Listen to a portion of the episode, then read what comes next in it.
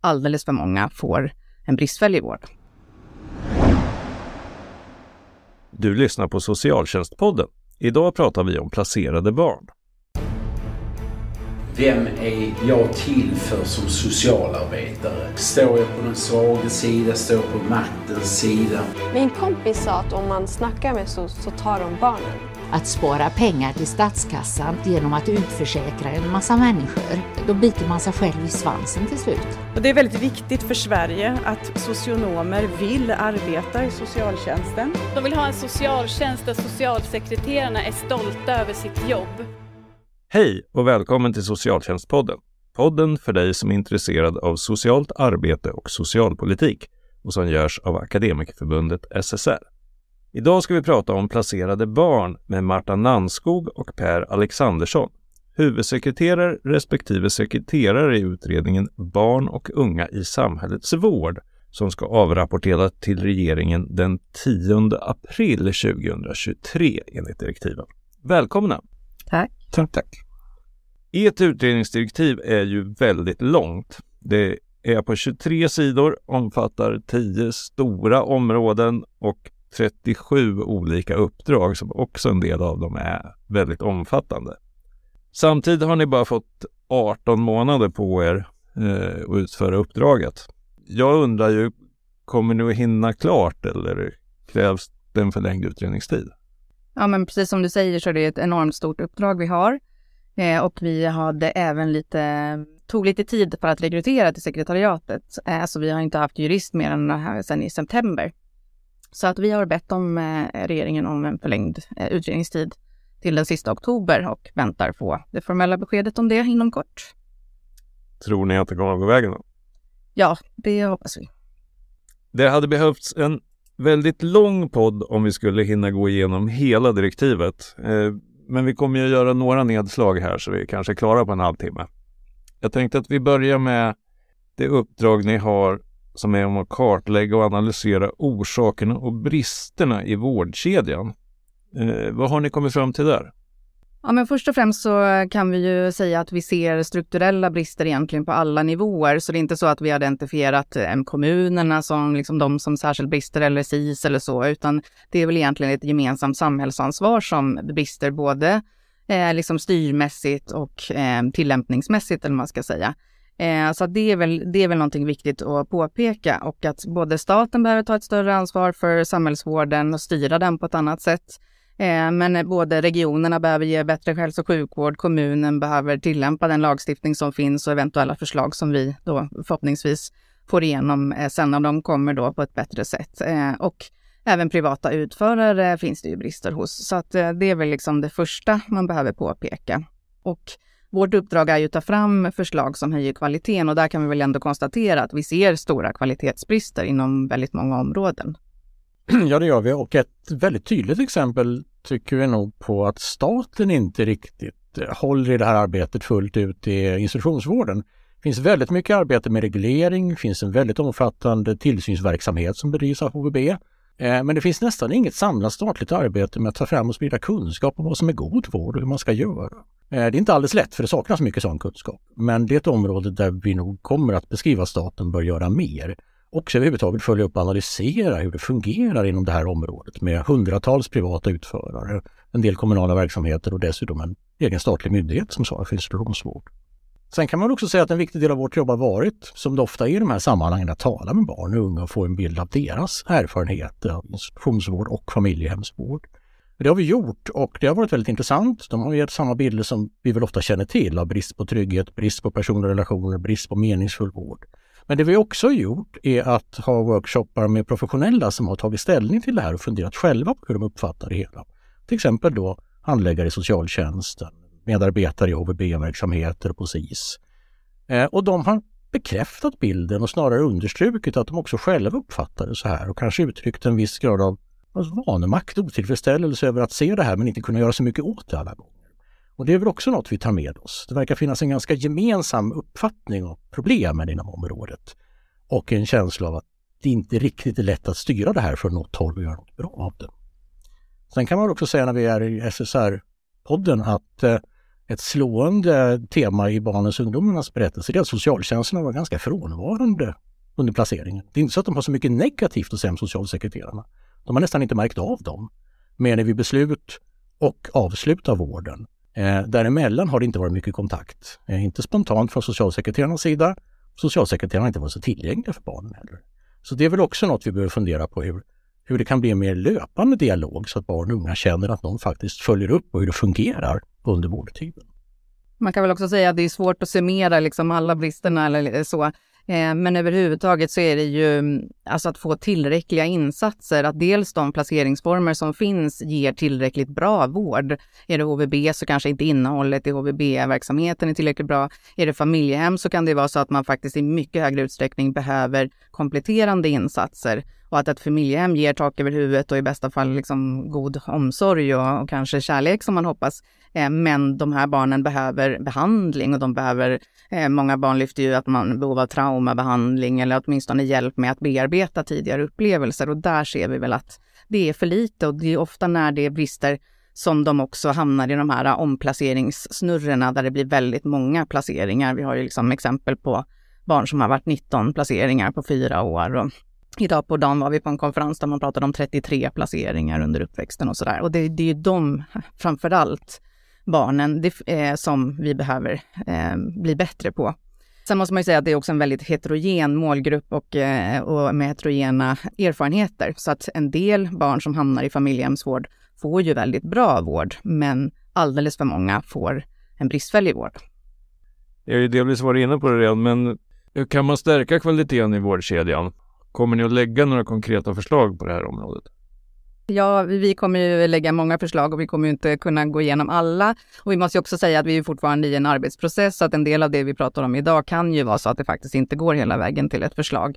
Men det här är ju de tankar vi sitter med just nu och så ska det ju rättsutredas och beredas på olika sätt. Då. Ehm, men framför allt som jag var inne lite på är det ju det här med att, handla, att matcha barnens behov med rätt insats eh, och placeringsform och att vi liksom lite mer strukturerat tänker igenom. Vi hör ju nu att även från kommunerna håll att det är en utmaning att hitta rätt placeringsformer och platser. Och det blir lite att man tar det första familjehemmet som dyker upp eller den första eller den upphandlade platsen man har på ett HVB och det är inte riktigt alltid eh, matchat med vad man faktiskt ser behoven är. Eh, och där behöver vi fundera på bland annat tänker vi på att kanske tydliggöra olika kategorier av familjehemsvård, för vi ser att familjehemsvård som man traditionellt tänkte bara som en vanlig familj som man bara välkomnar i sitt hem. Det räcker inte för väldigt många av de här barnen.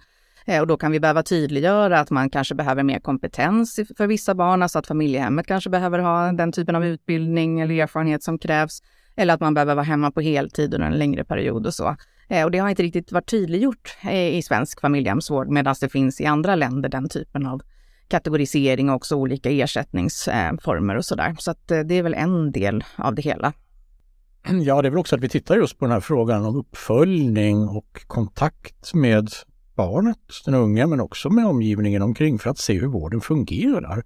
Och vad man ytterligare behöver göra, inte bara då en gång i halvåret, utan tätare så att det också finns möjlighet att göra ändringar efterhand som behövs för att vården ska bli bra. Och här, som sagt, har vi väl inte färdiga förslag, men vi tittar på det och eh, funderar på hur uppföljningen kan bli mer ändamålsenlig helt enkelt. För barnet och och ytterst även för socialtjänsten. Då. Jo, en sak vi måste säga också är ju eftervården har vi ju som ett särskilt uppdrag också och där den är ju i princip obefintlig på många ställen måste vi säga och framförallt så är den väldigt varierande i olika kommuner. Ja, och det har vi ju särskilt uppdrag att titta på, men det kommer vi ju kanske fram till liksom också. Mm, vad bra. Eh, vi byter lite spår. Per, du är en av dem i Sverige som har mest kunskap om arbetet med att ge placerade barn och unga en god tillgång till hälso och sjukvård. Ser ni att det behövs några åtgärder på det här området? Ja, det ser vi ju förstås eftersom tillgången är väldigt varierande och ibland otillräcklig överhuvudtaget. Eh, dels för att barn och ungdomarna inte alltid får de kontakter de skulle behöva med hälso och sjukvården, men också för att många finns i en annan region än där de annars bor och därför hamnar i situationer som inte regionen är beredda, beredda att hantera. Eh, ett krux är att rätt mycket faktiskt är reglerat på det här området. Vi har rätt många bra krav på hur man ska jobba. Det gäller regionernas ansvar, det gäller också socialtjänstens ansvar att initiera hälsoundersökningar och jobba tillsammans med regionerna. Så att mycket av det som vi funderar på handlar väl mer om att försöka främja det här används och tillämpas på rätt sätt. de bestämmelser vi har implementeras och man tar det ansvar som man har på respektive håll. Eh, och här har det kanske inte gjort så mycket över tid, utan här finns det mer att jobba vidare med, inte minst på statlig nivå så att man håller ihop det här jobbet och supportar eh, tillräckligt bra. Det kan också finnas behov av att titta på bestämmelser på några punkter som blir lite tydligare eller blir bättre sammanhang mellan olika krav som vi ställer på samverkan och kontakter. Men som sagt, jag tror att mycket i grunden är reglerat, men inte fungerande på ett bra sätt i praktiken.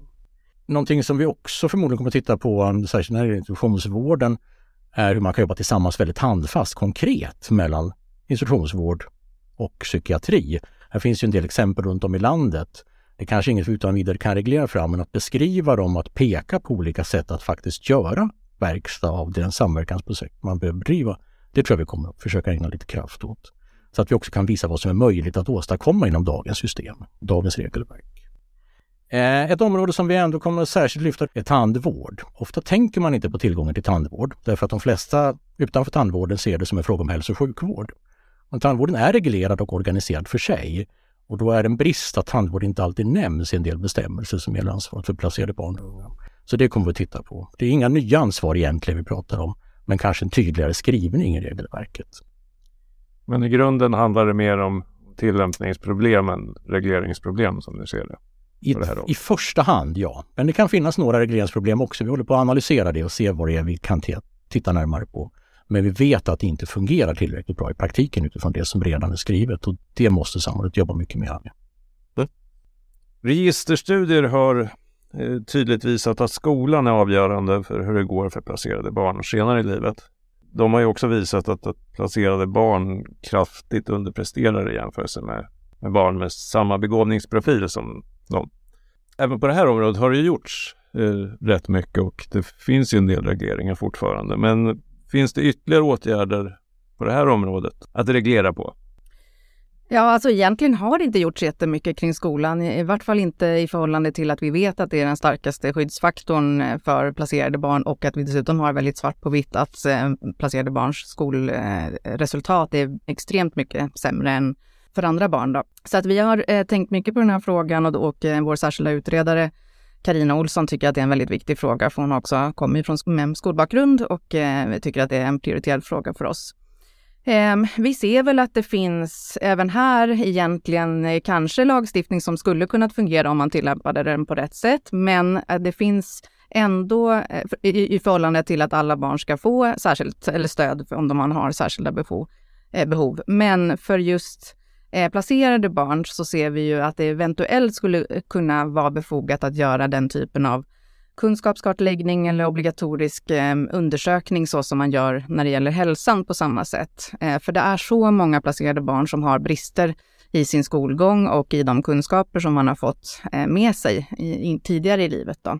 Så det vi funderar på är om man skulle kunna göra någon typ av sån eh, obligatorisk eh, kunskapsbedömning och så. Men det är någonting vi håller på och jobbar på och har en dialog med eh, inblandade parter när det gäller den frågan. Då.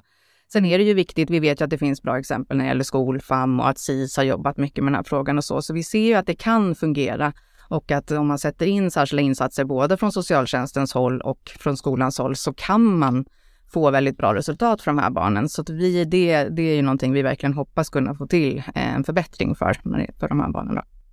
Ja, här finns det ju stora vinster att göra. Verkligen. Det, det visar ju verkligen att vi kan ge dem en mycket bättre framtid och bättre framtidsutsikter om vi vet att de, om de får eh, godkända resultat med sig från skolan. Ni har även i uppdrag att analysera vilka åtgärder som behövs för att säkerställa att personalen som arbetar på HVB har rätt kompetens i förhållande till målgruppen och sen föreslå åtgärder. Eh, SKR har ju tidigare menat att det är olämpligt att reglera på om personalens kompetens. Eh, de menar att det, blir för, att det blir för fyrkantigt och att det blir dyrt. Så. Har ni kommit fram till en annan slutsats? Det alltså kompetens handlar om olika saker till att börja med. En del är den mer traditionella kunskap man får med sig från en viss utbildning. Men sen finns det frågan om personlig lämplighet, erfarenheter man jobbar upp under tiden man är på plats, erfarenheter man haft med sig innan en anställning. Och det är väl den mixen man behöver på olika sätt stärka och bevaka. Så att kompetens betyder ju inte bara ett krav på utbildning på en viss nivå utan kompetens är en mycket, mycket bredare fråga. Men med det sagt då så är utbildning förstås en viktig del i det hela och det kan man väl ändå konstatera att de utbildningskrav vi har i Sverige för hans arbete HB för barn och unga är ganska låga. Och eh, man kan nog ändå säga att verksamheten kostar en hel del. Så att frågan är väl om man ändå inte skulle kunna få en bättre grund att bedriva god vård i HB genom lite tydligare och högre ställda utbildningskrav men ändå hantera det någorlunda inom den kostnadsram som är rimlig. Så att vi funderar på om man kan införa lite tydligare, mer generella krav på kompetensen än idag.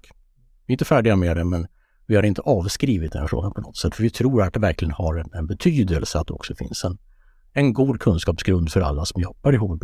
Till exempel för att hantera krav på kvalitetsarbete, rutiner, för att hantera klagomål, för att jobba på rätt sätt systematiskt och inte bara möta de enskilda barnen och ungdomarna. Men sen måste man ju klara det också. Så vi funderar även på någon typ av stöd för att bedöma personlig lämplighet vid anställning. Det finns idag faktiskt krav på personlig lämplighet när det gäller anställning både av föreståndare och övrig personal. Men det finns inget stöd för hur man ska bedöma det och det görs nog väldigt olika och väldigt varierande runt om i landet. Här tror jag att det behövs en större enhetlighet för att säkerställa att alla barn faktiskt möter personal som är lämpliga och intresserade av sitt arbete. Och sen är ju ledningsfrågorna förstås centrala. Föreståndare eller vilka chefsfigurer man nu har i ett HB har en nyckelroll. Vi tänker också att där behöver man titta på kompetenskrav och kanske deras gemensamma förutsättningar att jobba systematiskt för en god kvalitet. Till exempel i någon typ av gemensam utbildning för föreståndare, vad det nu skulle kunna vara. Så kompetens är en bred fråga som vi försöker se på olika sätt och just sätta ihop olika tankar och förslag omkring. Men utbildning är en viktig del av det och det kommer vi nog inte att ducka för helt. Ju mer behov man har så tenderar ju de människor som ska hjälpa en att ha lägre utbildning. Eh, det där är ju en knepighet och det gäller ju inte bara för socialtjänsten egentligen. Det kan man ju se inom kriminalvården och på andra ställen också. Att, att ju mer omfattande vård, ju lägre utbildning har de. Precis, så det, det vi pratar om när det gäller mer generella krav, det ska jag säga, det är det som vi brukar prata om i HVB bland personal, alltså med en eftergymnasial utbildning. Men det är också en väldigt viktig fråga hur man kan öka andelen akademiskt utbildade i HVB. Det kanske vi inte kan kräva generellt, men på olika sätt kommer vi att titta på det och det är nog en väldigt viktig aspekt för att vården ska bli bra. Det framgick inte minst av den rapport IVO skrev om SIS för någon vecka sedan att just andelen akademiskt utbildade var bra för att säkerställa ett systematiskt arbete där man jobbade med kvalitetsfrågor seriöst och liksom byggt på rutiner och processer, inte bara från stunden, från stund till stund.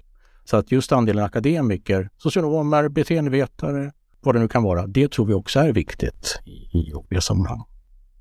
Ni har även i uppdrag att eh, föreslå hur stödet kan stärkas efter att en placering upphört. Ser ni behov av reglering på det här området? Ja, nej men jo, det gör vi ju. Eh, och det finns ju eh, flera som har jobbat eh, med de här frågorna, bland annat SOS Barnbyar och skrivit rapporter om det. Och som sagt, framförallt, det finns ju som, som ofta väldigt goda exempel även ute i kommunerna, men det görs väldigt eh, olika i kommunerna. Eh, och det finns ju tydligt reglerat att man ska ge stöd, men inte alls hur det stödet ska se ut eller hur länge det ska pågå eller så. Eh, och det, det, är ju ändå ett stort antal barn och unga, som, eller framförallt då unga efter de har lämnat vården, som känner sig väldigt ensamma och lämnade. Och de har väldigt lite nätverk, de har kanske eh, fått mindre kunskap om hur man klarar sig ett självständigt liv än andra barn då. Så att det är ju väldigt eh, också kostnadsineffektivt om man inte bara ska prata om det moraliska i det, att lämna barn på det sättet eller unga på det sättet.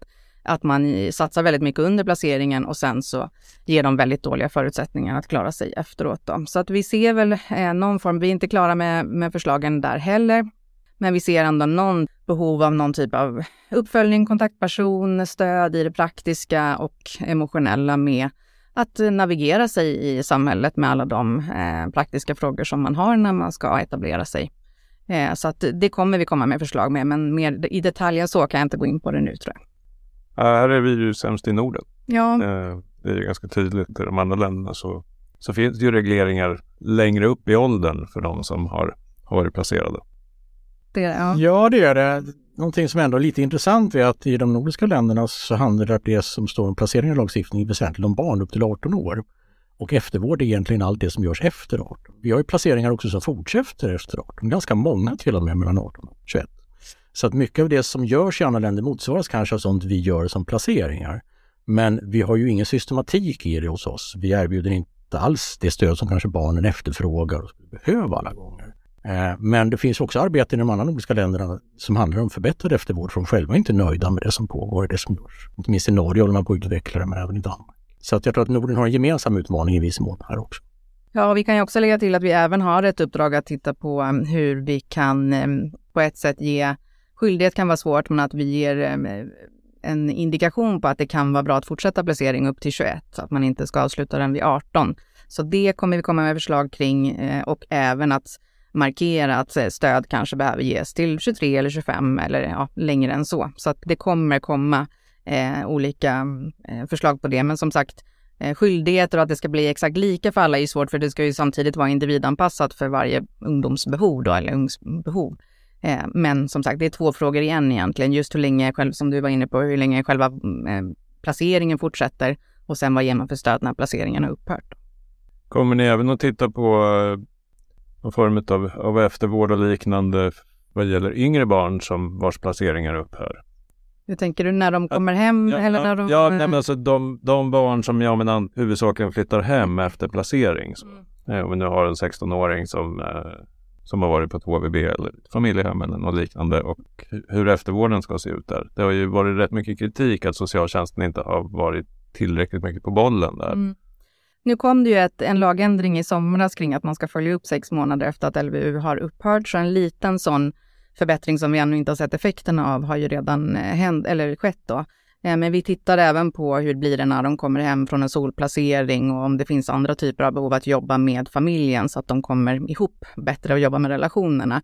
Eh, men ännu inte heller landat i så att vi kan säga här vilket typ av förslag vi ska, vi ska ge då. Men även stödboende tittar vi lite på om just stödboendet kan kanske ges med lite mer förstär som ett slags förstärkt stödboende med mer stöd.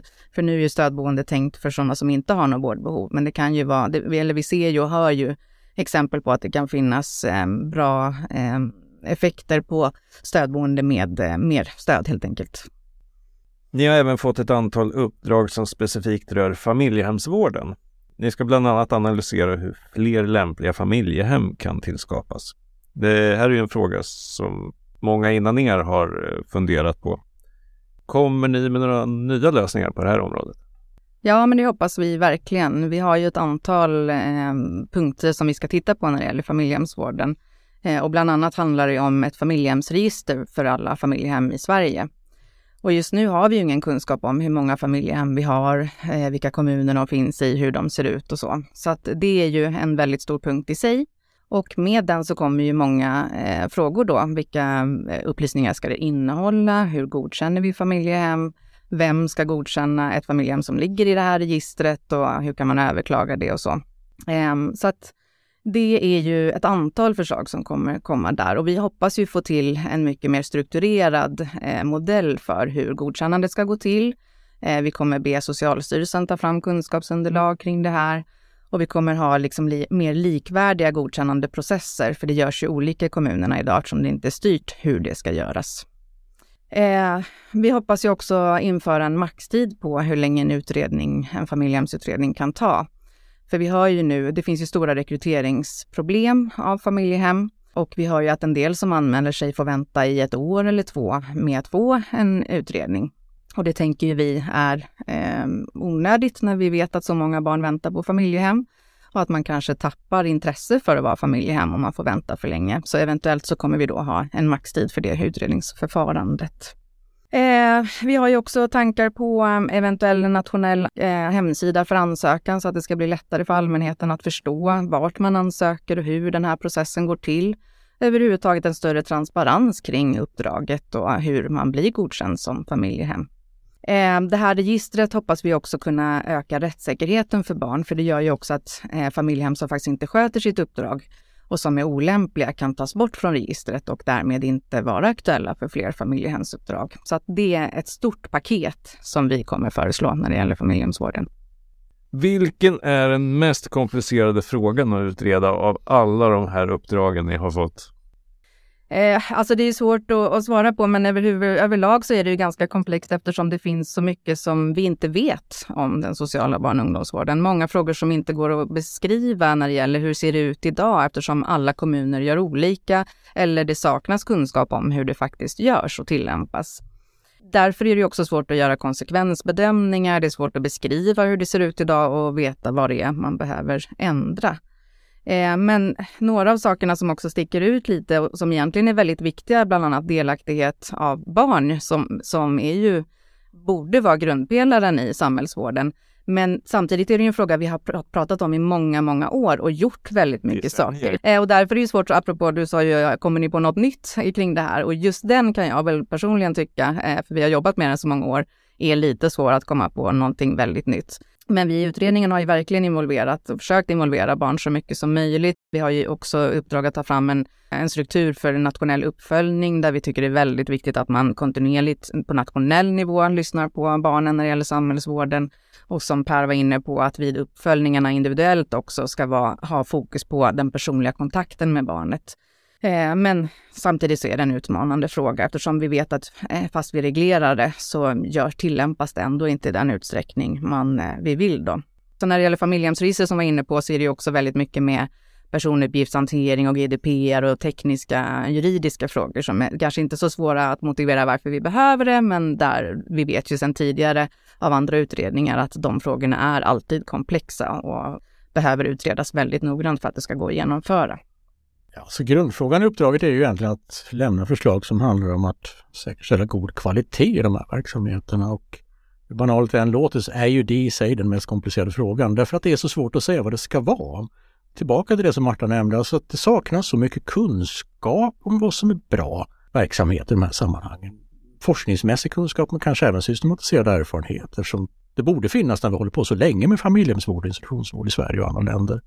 Men också för att det är svårt att ibland bottna i de begrepp lagstiftaren använder, alltså kvalitet, god vård, meningsfull vård finns det faktiskt en reglering om man ska uppnå institutioner. Vad är det för någonting?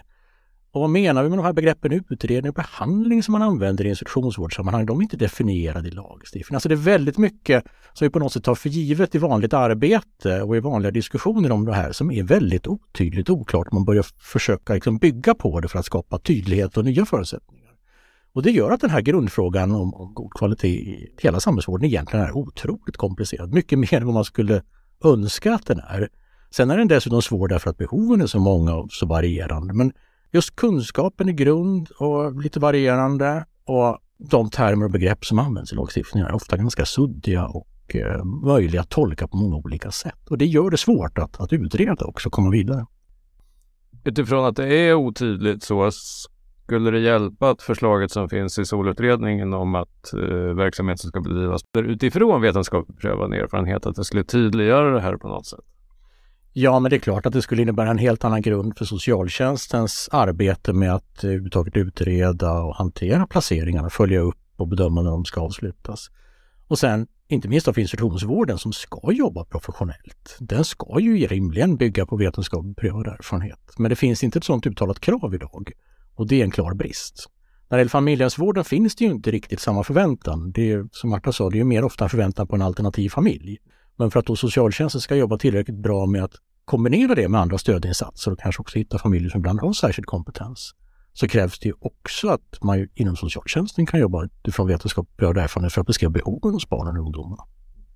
Är det några av förslagen som ni planerar att lägga som stärker professionens ställning? Tänker att det här är en podd för socialarbetare huvudsakligen. Ja, och då är väl det första svaret att det är ganska många professioner som är berörda av de frågor Verkligen. vi jobbar med. Så att det första vi försöker göra är väl egentligen att stärka ett professionellt arbete i de delar som faktiskt ska vara professionella.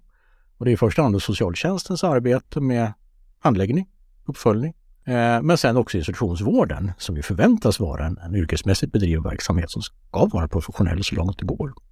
Och går vi då in på institutionsvården så är det många professioner. Det finns socionomer, det finns också beteendevetare, psykologer, socialpedagoger, pedagoger.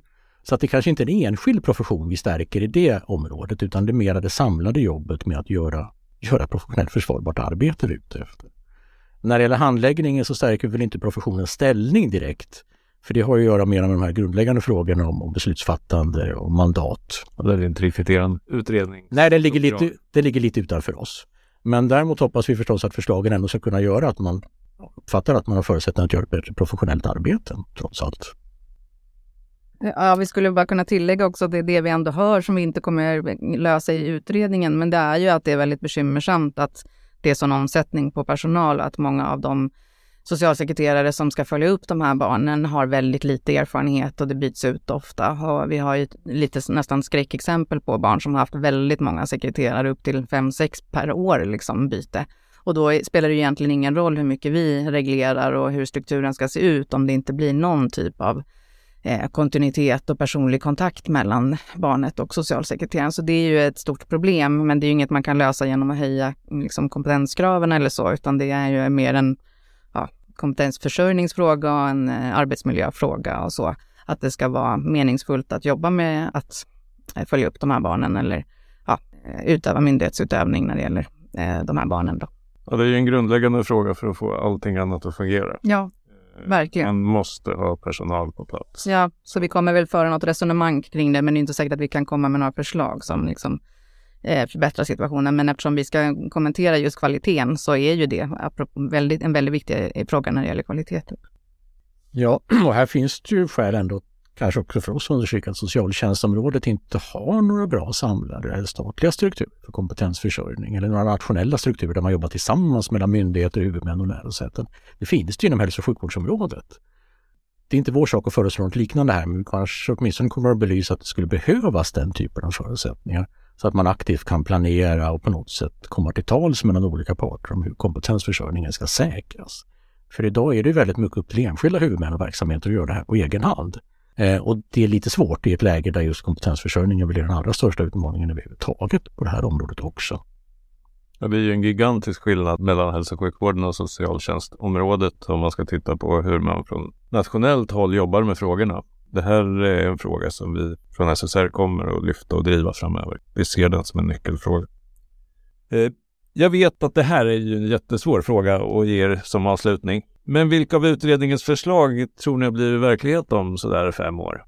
Ja, men vi eh, hoppas ju såklart att väldigt många av förslagen eh, är genomförda då. Eh, nej, men vi vet ju också att det finns en, ett stort intresse och engagemang från regeringens sida att eh, agera i flera av de här frågorna. Eh, och flera av de frågor vi har i direktiven eh, kommer ju också från socialutskottets eh, tillkännagivanden. Så att, ja men det här familjehemsstrukturen som vi var inne på när det gäller registret och bedömning av godkännande av familjehem. Ja, jag kanske är naiv, men jag hoppas verkligen och tror att någonting i alla fall, vissa delar av det har, har blivit införda, för jag tror att det är en så pass viktig Eh, grundsten i att få en, en fungerande familjehemsvård. Eh, kanske också det här med kunskapsbedömning i skolan för att försöka eh, förbättra skolresultaten ja, nej men det finns egentligen många delar, eh, men vi ser ju såklart från andra utredningar att det tar tid och det är, det är mycket som ska hanteras innan det blir verklighet. Men, eh, men det finns ändå goda förutsättningar tror jag för att det finns ett stort engagemang för barn i samhällsvård just nu. Så att eh, vi hoppas på att, att det kommer gå att införa. Jag tror ändå att det finns förutsättningar att Eh, stärka det statliga arbetet med att hålla ihop kunskapsstyrning också i institutionsvård. Det har blivit lite över på något sätt i systemet därför att det är så många andra aktörer än bara kommunerna som är inblandade. Men jag tror att det nog skulle kunna gå att tänka sig ett sådant förslag. Igen. Det kräver inte så mycket regeländringar, men det kräver systematisering och det kräver en del resurser som idag inte finns på myndigheter som Socialstyrelsen, IVO och SIS kanske. Men också naturligtvis då väldigt mycket arbete med att hålla ihop verksamheter och huvudmän som är berörda av det här. Men jag tror att det finns ändå odds att tänka sig det. Och får man det på plats då finns det också förutsättningar att långsiktigt jobba med de frågor som är knepiga idag och som vi inte idag har underlag för att säga hur man ska lösa riktigt. Så att det behövs nog just systematik och långsiktighet som det inte idag riktigt är rustat för i systemet. Om man får plats det så får man också rätt mycket annat på köpet förhoppningsvis på lång sikt. Tack för att ni kom hit och berättade om utredningen idag. Tack. Tackar. Tackar. Du har lyssnat till Socialtjänstpodden. Podden för dig som är intresserad av socialt arbete och socialpolitik och som görs av Akademikerförbundet SSR.